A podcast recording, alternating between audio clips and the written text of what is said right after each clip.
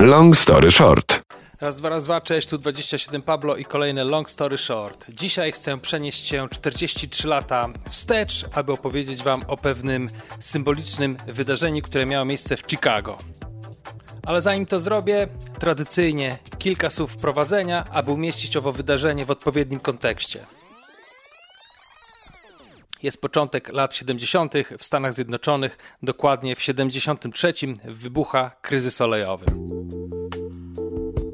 Panuje wysokie bezrobocie, napięcia społeczne, niepewność dnia jutrzejszego. W świecie rozrywki gdzieś tam w undergroundzie tli się świeża, kreatywna iskra. Powstaje pewna nowa formuła, której siłą napędową są mniejszości rasowe i mniejszości seksualne. To są imprezy, na których kuratorem jest gość, który puszcza muzykę. Po raz pierwszy w historii to DJ staje się najbardziej centralną postacią wydarzenia muzycznego. To także pierwszy raz, kiedy na imprezach można usłyszeć naprawdę szeroki koktajl muzycznych gatunków. I to są te miejsca, w których najrzadziej usłyszysz białego roka. Równocześnie w 1973 roku El Young, bębniarz z Filadelfii, wymyśla nowy podział. Nazywa się Four on the Floor albo Four on Four. Za tą tajemniczą nazwą kryje się najprostszy rytm, kiedy w takcie każda ćwierćnuta to stopa. Wcześniej stopa przeplatałaby się z werblem, a teraz za każdym razem jest stopa i dochodzi tylko werbel. To jest rytm, który do dzisiaj jest najpopularniejszy, a zawdzięczamy ten wynalazek właśnie El Youngowi z Filadelfii.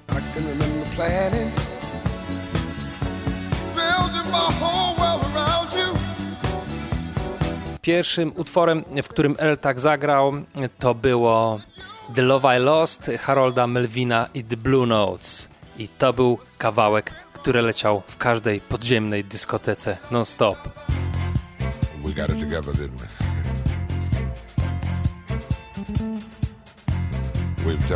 Napędzany prostym rytmem, wspaniałymi aranżacjami i wokalami zaczął krystalizować się styl muzyki, który został nazwany disco.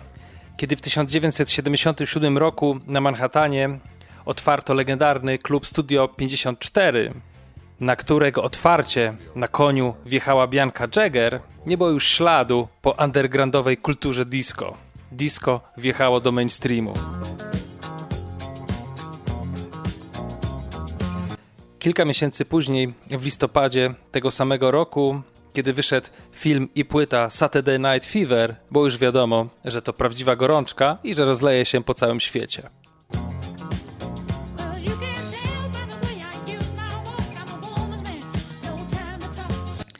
Czasem jednak zaczęło rosnąć niezadowolenie konserwatywnej Ameryki, które swoją kulminację miało 12 lipca 1979 roku w Chicago. Na ten dzień w Komski Park był zaprogramowany mecz baseballa pomiędzy Chicago White Sox oraz Detroit Tigers. Parę tygodni przed wydarzeniem miejscowy dziennikarz Steve Dahl, taki naczelny hater disco, zapowiadał, że to będzie noc zniszczenia właśnie disco. Na falach swojej stacji namawiał wszystkich, aby tego dnia pojawili się z płytą winylową disco w ręku i każda taka osoba za wejście zapłaciłaby tylko 98 centów, aby później komisyjnie i w szerokim gronie dokonać eksplozji, która zniszczy te wszystkie płyty. Spodziewano się, że ze względu na jego akcję pojawi się mniej więcej dodatkowe 5 tysięcy osób, czyli w sumie powinno być wszystkich 25 tysięcy luda. Okazało się jednak, że pod stadion przyjechało aż 50 tysięcy wszystkich tych, którzy nienawidzili disco i trochę lubili baseball.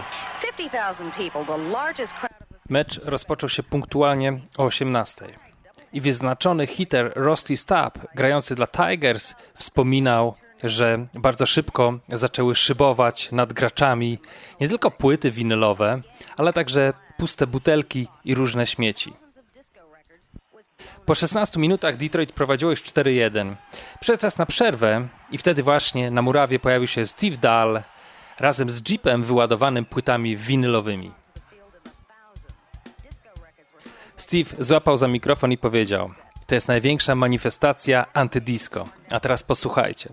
Weźmiemy te wszystkie płyty, które przywieźliście, załadujemy je do gigantycznej skrzynki i wysadzimy w powietrze naprawdę dobrze.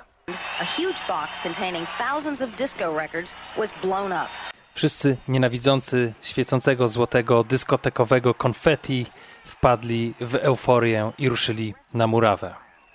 Fans stormed out onto the field in the thousands. Disco records were hurled like frisbees. Bonfires were set. Bottles were thrown. Naturalnie nie udało się dokończyć meczu, a aresztowane zostało 39 osób. Czy Disco Demolition Night było wydarzeniem, które skończyło królowanie tego gatunku? Pewnie nie, ale stało się symbolem schyłku disco, które powoli zaczęło odchodzić do lamusa.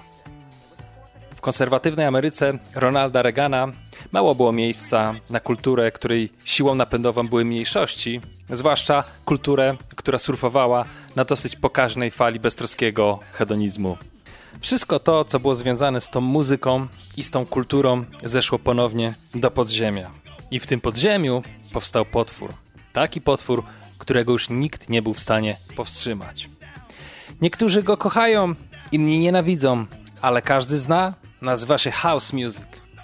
I dzisiaj na zwieńczenie tej opowieści puszczę wam jeden z moich ulubionych utworów, który powstał między innymi jako pokłosie Disco Demolition Night. Taki klasyk houseowy. Artysta Mr. Fingers, Can You Feel It? Do usłyszenia za tydzień. Dzięki.